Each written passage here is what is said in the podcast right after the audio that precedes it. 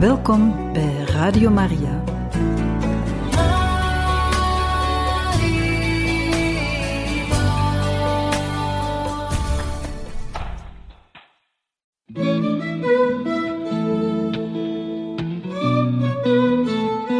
De kerk spreekt.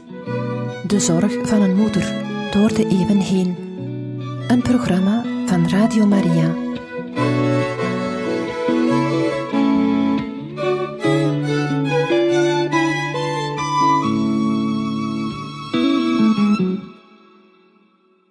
Puntje 4. Er is nog om in het kort in te gaan op enkele andere belangrijke overtuigingen aangaande het sacrament van de bekering.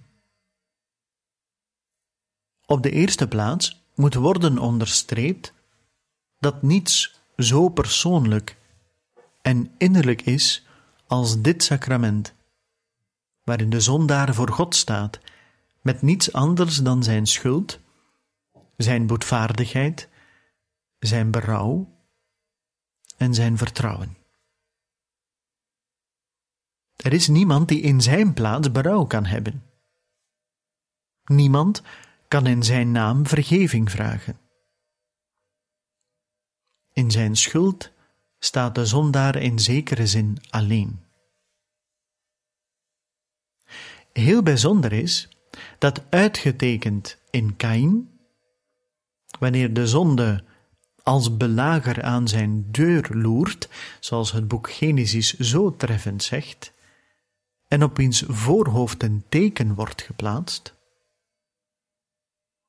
of in David, nadat hij door de profeet Nathan terechtgewezen is, of in de verloren zoon, wanneer hij zich bewust wordt in wat voor toestand hij terecht is gekomen door van de Vader weg te gaan en besluit om naar hem terug te keren. Dat alles speelt zich enkel en alleen af tussen de mens en God. Maar, tegelijk, kan ook het sociale aspect van dit sacrament niet worden ontkend. In dit sacrament immers komt heel de kerk, de strijdende, de in het vage vuur verblijvende en de in de hemel glorierende kerk, de boeteling te hulp en neemt hem weer in haar schoot op, en dat des te meer omdat ook heel de kerk door zijn zonde gekwetst en gewond was. Als bedienaar van het sacrament van de bekering is de priester op grond van de heilige taak die hij erbij vervult, als het ware de getuige en vertegenwoordiger van deze kerkelijke gemeenschap. En deze beide aspecten van het sacrament, het persoonlijke en het kerkelijke, vullen elkaar aan. De geleidelijke hervorming van de boeteritus, en vooral de door Paulus VI afgekondigde orde van dienst voor boete en verzoening, hebben beide aspecten meer relief gegeven en in de viering van het sacrament beter doen uitkomen. Vervolgens moet nadrukkelijk worden gesteld dat de kostbaarste vrucht van de vergeving, die in het sacrament van de bekering wordt ontvangen, in de verzoening met God bestaat. Zij voltrekt zich in het diepst van het hart van de verloren en teruggevonden zoon. Dat is in iedere boeteling. Daar moet evenwel aan worden toegevoegd dat deze verzoening met God, om zo te zeggen, weer andere verzoeningen voortbrengt. Als genezing voor even zoveel andere door de zonde ontstane breuken. De boeteling, aan wie vergeving wordt geschonken, verzoent zich in het diepst van zijn wezen, waar hij zijn innerlijke waarachtigheid herwint met zichzelf.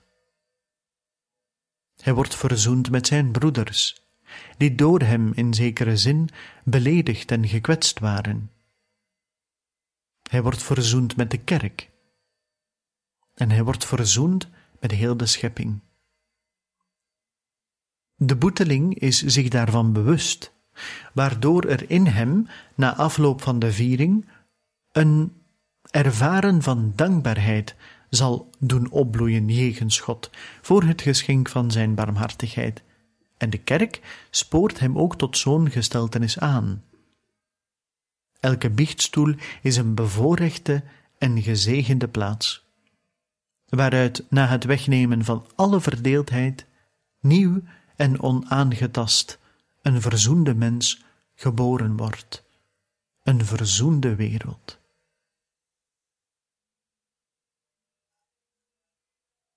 Ten slotte moet mij nog iets van het hart dat ons, priesters, allemaal raakt.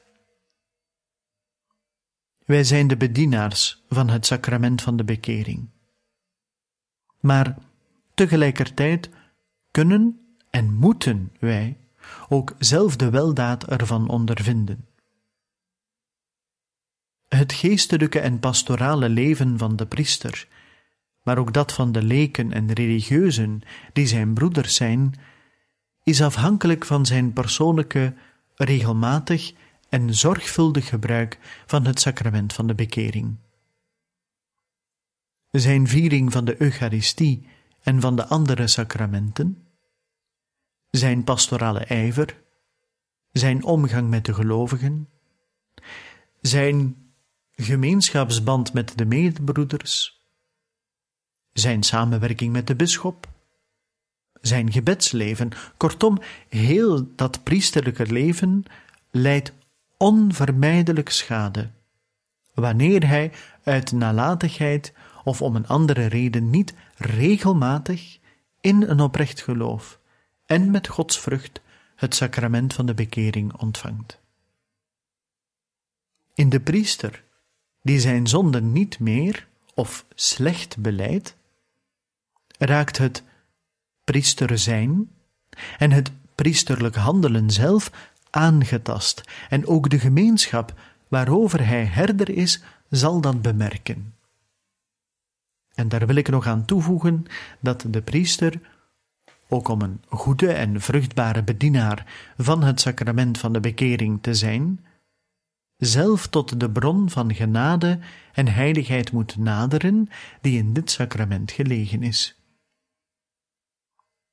Uit eigen ervaring kunnen wij, priesters, zeggen dat wij onze bediening als biechtvader beter en voor de biechtelingen weldadiger verrichten, in de mate dat het sacrament van de bekering ons zelf na aan het hart ligt en wij er dikwijls en in een goede gesteltenis gebruik van maken.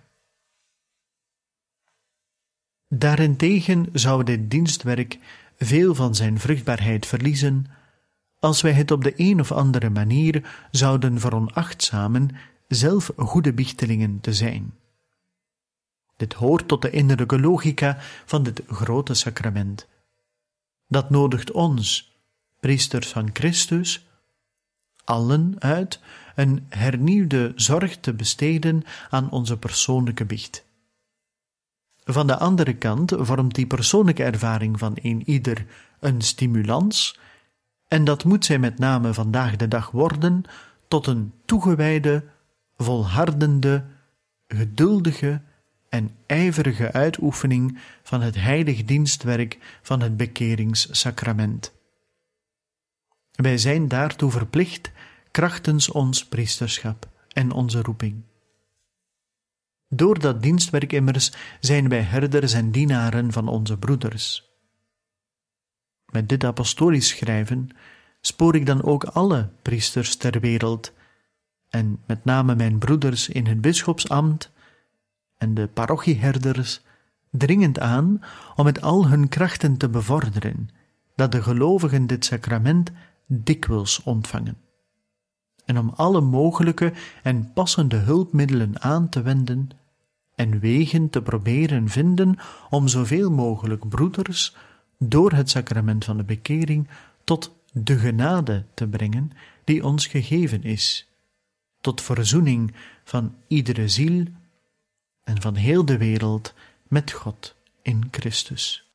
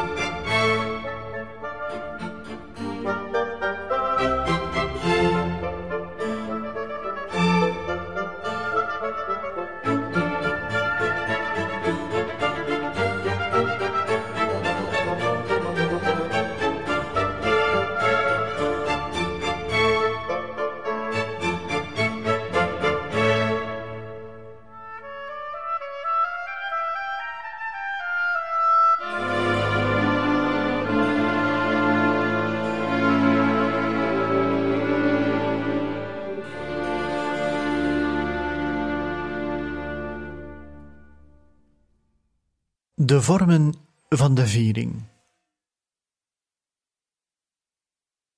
Volgens de richtlijnen van het Tweede Vaticaans Concilie biedt de orde van dienst voor boete en verzoening drie riten, waardoor het mogelijk wordt om de viering van het sacrament van de bekering met behoud van de wezenlijke elementen aan te passen aan de pastorale omstandigheden. De eerste vorm, de verzoening van één boeteling, is de gewone en normale manier waarop het sacrament gevierd wordt en mag niet in onbruik raken of veronachtzaamd worden. De tweede vorm, de verzoening van meerdere boetelingen met persoonlijke belijdenis en absolutie, biedt weliswaar in haar voorbereidende gedeelten de mogelijkheid om de gemeenschapsdimensie van het sacrament beter te doen uitkomen, maar volgt in haar eigenlijk sacramentele gedeelte, dat bestaat in de persoonlijke belijdenis en absolutie van de zonde, toch de eerste vorm. Zij kan dan ook met die eerste vorm gelijkgesteld worden, in zoverre zij dezelfde gewone ritus volgt. De derde vorm daarentegen, de verzoening van meerdere boetelingen met een algemene belijdenis en absolutie, draagt het karakter van een uitzondering en wordt daarom niet aan de vrije keus overgelaten, maar valt onder de speciaal daarvoor opgestelde regeling. De eerste vorm maakt dat de meer persoonlijke en wezenlijke aspecten van de bekeringsweg ten volle gewaardeerd en benut worden. Door het gesprek tussen de biehteling en de biechtvader en door gebruik te maken van de diverse elementen, zoals de Bijbellezingen, de keuzemogelijkheid met betrekking tot de genoegdoening en dergelijke, kan men de sacramentele viering beter laten aansluiten bij de situatie van de bichteling. Hoe waardevol deze elementen zijn, ontdekt men als men bedenkt vanuit welke motieven een christen tot het sacrament van de bekering komt. Uit behoefte aan persoonlijke verzoening en herstel van de vriendschap met God, doordat de genade, die door de zonde verloren was, wordt teruggewonnen. Uit behoefte aan toetsing en bevestiging van de geestelijke weg die men gaat. En soms aan een nauwkeuriger zicht op de roeping. Dikwijls ook uit een behoefte en verlangen om uit een gesteltenis van geestelijke lauwheid en religieuze crisis te komen. Doordat de eerste vorm van viering zo op de individuele persoon afgestemd is, ontstaat er tenslotte een verbinding tussen het sacrament van de bekering en iets dat er weliswaar van verschilt, maar er gemakkelijk mee te verenigen is. Ik bedoel de geestelijke leiding. Zeker is dan ook dat door de eerste vorm van het sacrament de persoonlijke keuze en verantwoordelijkheid duidelijk worden onderstreept en bevorderd. De tweede vorm van viering haalt, juist door haar gemeenschapskarakter en haar eigen gestaltegeving, enige andere belangrijke aspecten naar voren. Het woord Gods krijgt, wanneer het gezamenlijk beluisterd wordt, een heel bijzondere kracht in vergelijking met de persoonlijke lezing ervan, en doet beter het kerkelijk karakter uitkomen van bekering en verzoening. Deze vorm komt met name tot zijn recht in de verschillende tijden van het liturgisch jaar en in verband met bijzondere gebeurtenissen van pastoraal belang. Het mogen hier volstaan erop te wijzen dat bij deze vorm van viering wel hoort dat er een voldoende aantal mensen bij aanwezig is. Het spreekt uiteraard vanzelf dat men niet op grond van bijkomstige of subjectieve criteria moet kiezen welke van beide vormen men zal gebruiken, maar dat men daarbij te werk moet gaan vanuit de wil om het geestelijk welzijn te dienen, in trouw aan de regelingen van de kerk ten aanzien van het sacrament van de bekering. Ook is het goed eraan te herinneren dat het voor een evenwichtig geestelijk en pastoraal beleid in deze, getuige een eeuwenlange leerstellige traditie en praktijk, nodig is dat men een groot belang hecht aan het biechten, ook als het maar om dagelijkse zonden gaat, en dat men de gelovigen daartoe opvoedt. Want al weet de kerk en leert zij dat dagelijkse zonden ook op andere wijzen vergeven worden, men denke aan akten van berouw, werken van naastenliefde, gebeden en boetevieringen, toch houdt zij niet op allen te herinneren aan de eigen geestelijke rijkdom van het sacrament, ook waar het over zulke zonden gaat.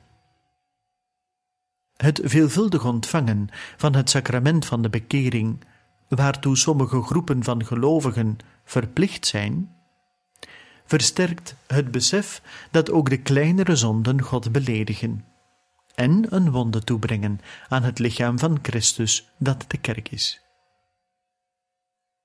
De viering van het sacrament van de bekering wordt dan een gelegenheid en stimulans dieper aan Christus gelijkvormig te worden en nauwlettender aan de stem van de geest gehoor te geven.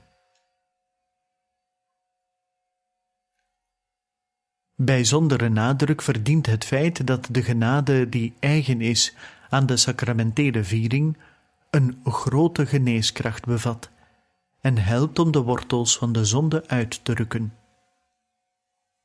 De zorg voor de gestaltegeving van de viering, met name voor de plaats van het woord van God, dat als het kan en past aan de gelovigen en met hun medewerking voorgelezen, in herinnering gebracht en uitgelegd wordt, draagt ertoe bij dat de praktijk van het bekeringssacrament levendiger wordt en voorkomt dat zij afglijdt naar formalisme en sleur.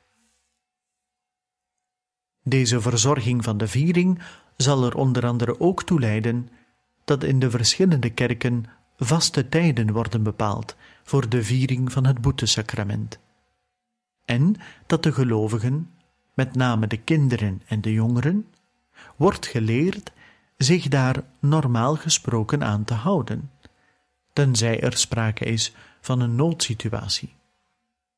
Want in dat laatste geval moet een herder van zielen altijd klaarstaan om degene die bij hem komt te ontvangen.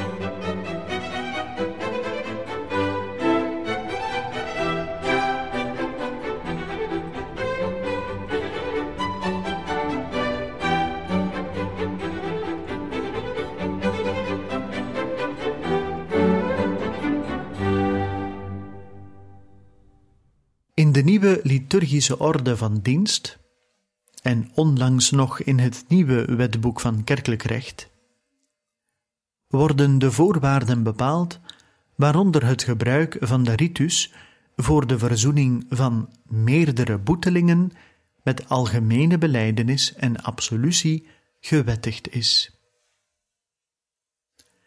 De hierover uitgevaardigde normen en voorschriften zijn de vrucht van rijpe en evenwichtige overwegingen. Men moet ze aanvaarden en in praktijk brengen, en daarbij elke vorm van willekeurige interpretatie vermijden.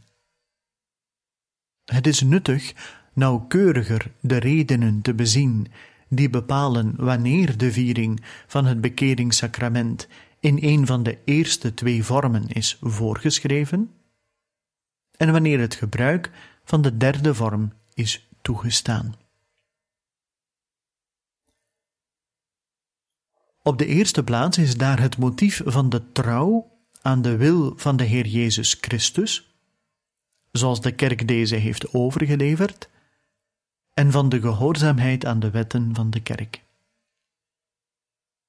De synode heeft in een van haar voorstellen de onveranderlijke leer bevestigt die de kerk uit de oudste overlevering put. evenals de wet waarmee zij deze eeuwenoude praktijk in haar wetgeving heeft vastgelegd. De persoonlijke en volledige belijdenis van de zonden, samen met de eveneens persoonlijke absolutie, vormt de enige gewone manier waarop een gelovige, die zich van een zware zonde bewust is, met God en de kerk wordt verzoend.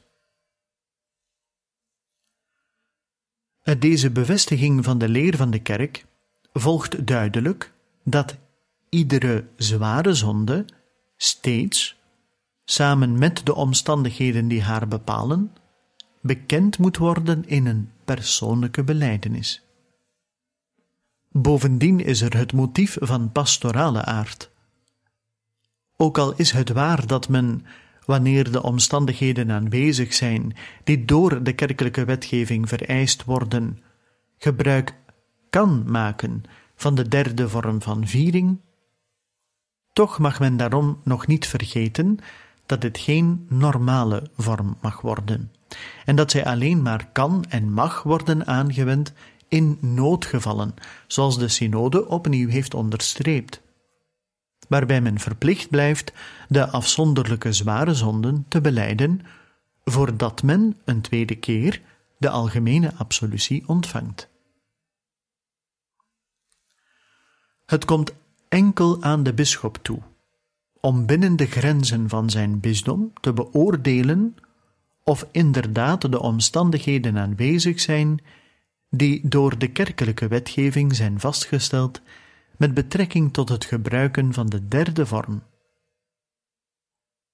Voor deze bisschop is dit een zwaar wegende gewetensbeslissing, waarbij hij zich moet houden aan de wet en de praktijk van de kerk, en rekening moet houden met de criteria en richtlijnen, zoals deze op grond van de hierboven uiteengezette leerstellige en pastorale overwegingen met de andere leden van de bisschoppenconferentie zijn overeengekomen. Eveneens zullen altijd vanuit een echte pastorale zorg condities geschapen en gewaarborgd moeten worden die het mogelijk maken dat het gebruik van de derde vorm ook de geestelijke vruchten oplevert waarvoor hij is ingesteld. Bovendien zal het bij wijze van uitzondering gebruiken van de derde vorm van viering nooit mogen leiden tot een geringere waardering, laat staan een afschaffing van de gewone vormen. En evenmin tot de opvatting als zou het vrijstaan om in plaats van een van de beide eerste vormen de derde vorm te kiezen. Het staat de herders en gelovigen immers niet vrij om uit de genoemde vormen van viering die vorm te kiezen die men het meest geschikt acht. De herders zijn verplicht het voor de gelovigen gemakkelijker te maken hun zonden volledig en persoonlijk te beleiden. De gelovigen zijn daar niet slechts toe verplicht. Het is ook hun onschendbaar en onvervreemdbaar recht. En bovendien een behoefte van de ziel. Het gebruik van de derde vorm van viering legt de gelovigen echter de verplichting op alle normen in acht te nemen die de praktijk ervan regelen, met inbegrip van de wet die hun verbiedt opnieuw tot een algemene absolutie hun toevlucht te zoeken als zij niet eerst, en wel zo spoedig mogelijk, een volledige en persoonlijke belijdenis van hun zonden hebben gedaan. Over deze norm en over de verplichting om zich eraan te houden, moeten de gelovigen voor de absolutie door de priester worden geïnformeerd en onderricht. Met deze nadrukkelijke verwijzing naar de leer en de wetgeving van de kerk beoog ik in allen een levendig verantwoordelijkheidsgevoel te wekken, dat ons moet leiden bij het omgaan met heilige zaken. Deze zijn, zoals bijvoorbeeld de sacramenten, niet onze eigendom. En wij mogen ze, waar het bijvoorbeeld gaat om de gewetens, niet in twijfel en verwarring laten. Beide zijn, ik herhaal het nog eens, heilige zaken, zowel de sacramenten als de gewetens. Van ons vragen ze dat wij hen in waarheid dienen. Daarom is er een kerkelijke wetgeving.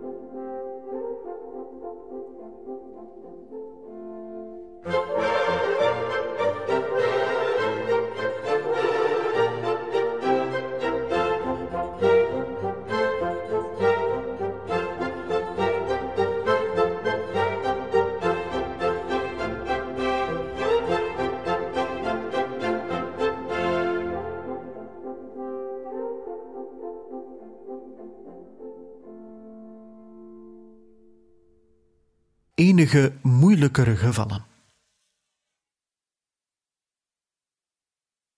Ik vind het noodzakelijk hier, ook al is het maar heel in het kort, in te gaan op een pastoraal probleem waarmee de synode, in zoverre haar dat mogelijk was, zich heeft bezig gehouden en dat zij ook in een van haar voorstellen te berde brengt. Ik bedoel bepaalde, vandaag de dag niet zelden voorkomende situaties, waarin christenen zich bevinden die de godsdienstige sacramentele praktijk zouden willen blijven voortzetten, maar dan ondervinden dat de persoonlijke omstandigheden waarin zij staan daarvoor een belemmering zijn, omdat zij strijdig zijn met de verplichtingen die zij ten overstaan van God en de kerk in vrijheid op zich hebben genomen. Dergelijke situaties zijn werkelijk bijzonder moeilijk en haast onontwarbaar. In heel wat interventies kwam ter sprake wat ten tijde van de synode het algemene gevoelen van de vaders was. Dat er ten aanzien van zulke gevallen twee beginselen zijn die allebei gelden, die beide even belangrijk zijn en die elkaar beïnvloeden. Het eerste beginsel is dat van medelijden en de barmhartigheid. Volgens dit beginsel probeert de kerk, die Christus werk verder zet, die de dood van de zondaar niet wil, maar dat hij leeft, en die er zich op toelegt het geknakte riet niet te breken en de kwijnende vlaspit niet te doven, altijd zoveel mogelijk de weg van de terugkeer naar God en van de verzoening met Hem open te houden. Het andere beginsel is dat van de waarheid en van het in overeenstemming zijn met de waarheid. Volgens dit beginsel kan de kerk er niet in meegaan het kwade goed te noemen en het goede kwaad. En volgens beide elkaar aanvullende beginselen kan de kerk niet anders dan diegene van haar kinderen die zich in zulke smartelijke omstandigheden bevinden, aan te sporen langs andere wegen toenadering te zoeken tot de goddelijke barmhartigheid. Echter niet langs de weg van de sacramenten, met name van het sacrament van de bekering en de Eucharistie, zolang zij niet aan de voorgeschreven gesteltenissen beantwoorden. Over dit onderwerp, dat ook ons herderlijke hart pijn doet, heb ik gemeend enkele duidelijke woorden te moeten zeggen in de apostolische exhortatie over de gemeenschap van het gezin Familiaris Consortio genaamd, waar het ging over gescheiden mensen die opnieuw huwen en over christenen die op welke wijze dan ook onwettig samenleven. Tegelijkertijd voel ik dat ik samen met de synode alle kerkelijke gemeenschappen en op de eerste plaats de bisschoppen ertoe moet aansporen alle mogelijke hulp te bieden aan die priesters die zich ontrokken hebben aan de zware verplichtingen die zij tijdens hun wijding op zich genomen hebben, en die in omstandigheden verkeren die onwettig zijn. Geen van deze medebroeders mag zich door de kerk verlaten voelen. De weg naar een volledige verzoening op het tijdstip dat alleen de goddelijke voorzienigheid kent, kan voor allen die op dit ogenblik niet de objectieve voorwaarden vervullen die voor het sacrament van de bekering nodig zijn, worden voorbereid door bewijzen van moederlijke goedheid van de kant van de kerk, door steun te zoeken in andere oefeningen van godsvrucht dan die van de sacramenten, door een oprechte toeleg op verbondenheid met de Heer, door deel te nemen aan het Eucharistisch offer en door veelvuldig, zo volmaakt mogelijk, akten te stellen van geloof, hoop, liefde en berouw. Deel 4 Een wens tot besluit. Aan het einde van dit document hoor ik in mijzelf als het ware de echo van de apostolische exhortatie van de eerste bisschop van Rome, uitgesproken in een tijd van grote crisis, bij het begin van de kerk. En graag zou ik die tot u allen willen herhalen. Aan de vreemdelingen in de verstrooiing. Uitverkoren krachtens de voorbeschikking van God de Vader, weest allen eensgezind in meegevoel, broederlijkheid, barmhartigheid en ootmoed. De apostel vermaant: Weest allen eensgezind. Maar meteen vervolgt hij met het opsommen van de zonden tegen de vrede, die men moet mijden. Vergeld geen kwaad met kwaad. Als men u uitscheldt, scheld dan niet terug. Integendeel, zegent elkander, opdat gij de zegen verwerft waartoe gij geroepen zijt. En hij besluit met de bemoedigende woorden: Wie zal u kwaad doen als gij ijvert voor het goede? Allen zinnen uit de eerste brief van de heilige apostel Petrus. Hoofdstuk 3, vers 9 tot 13. In een tijd dat de crisis zeker niet minder groot is, waag ik het me met deze exhortatie aan te sluiten bij die van de eerste onder de apostelen. Bij hem die als eerste de kathedra of de bisschopszetel van Rome heeft bekleed. Als getuige van Christus en als herder van de kerk, en die ten overstaan van heel de wereld de liefdesbond heeft voorgezeten in gemeenschap met de opvolgers van de apostelen, de bisschoppen en ondersteund door het collegiale overleg dat velen van hen, in synode bijeengekomen, hebben gevoerd over onderwerpen en vraagstukken met betrekking tot de verzoening. Heb ik u, op mijn beurt, in dezelfde geest als de visser uit Galilea, willen meedelen wat hij gezegd heeft tot onze broeders in het geloof die in de tijd weliswaar ver van ons afstaan, maar in het hart ons zo nabij zijn. Weest allen eensgezind. Vergeld geen kwaad met kwaad.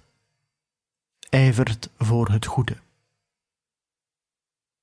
En hij voegt eraan toe: Hoeveel beter is het, zo God het wil, te lijden voor het goede dat men doet, dan straf te ondergaan voor misdrijven.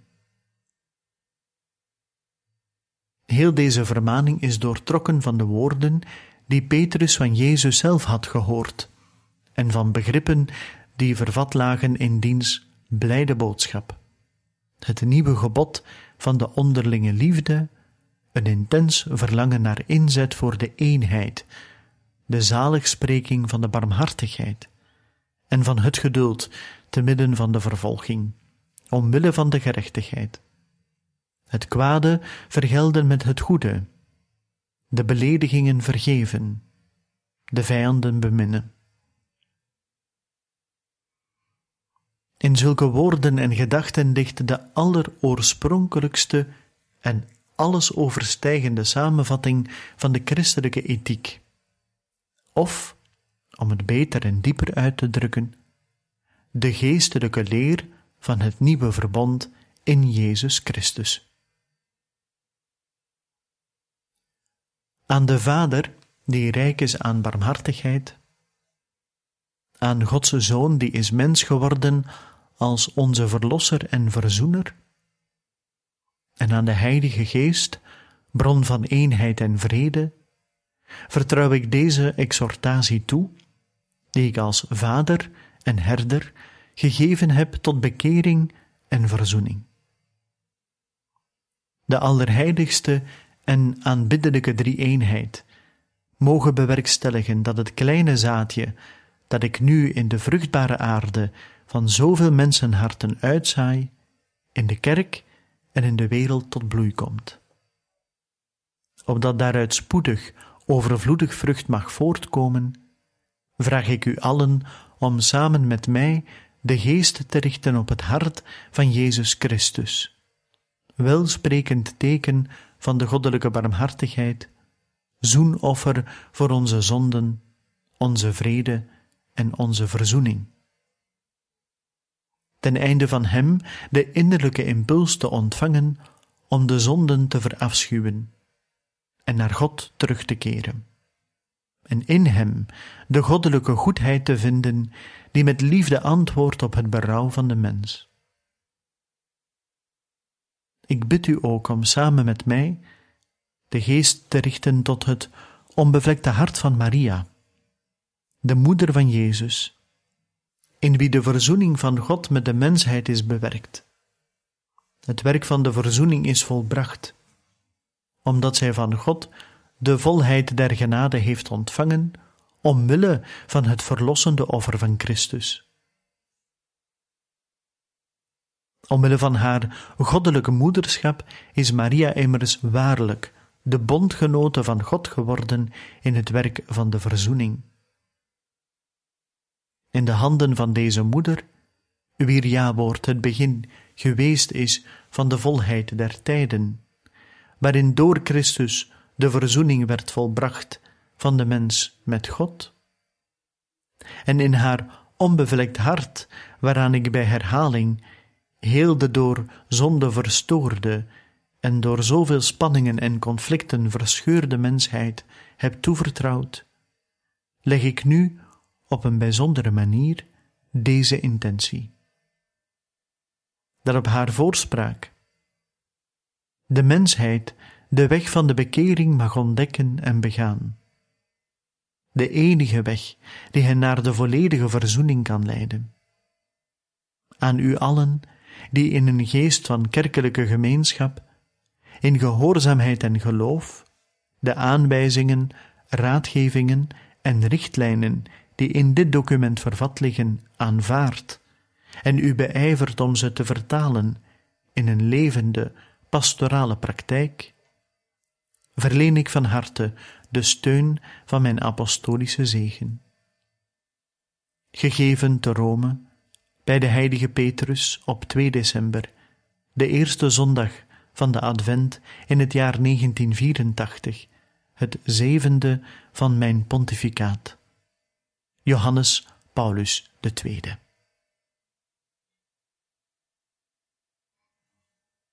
En zo, dierbare luisteraars, zijn we aan het einde gekomen van het voorlezen van de postsynodale apostolische exhortatie Reconciliatio et Penitentia door de heilige paus Johannes Paulus II, zoals u kon horen, gepubliceerd op 2 december 1984, en dat als gevolg van de zesde algemene vergadering van de bisschoppensynode die plaatsvond in 1983.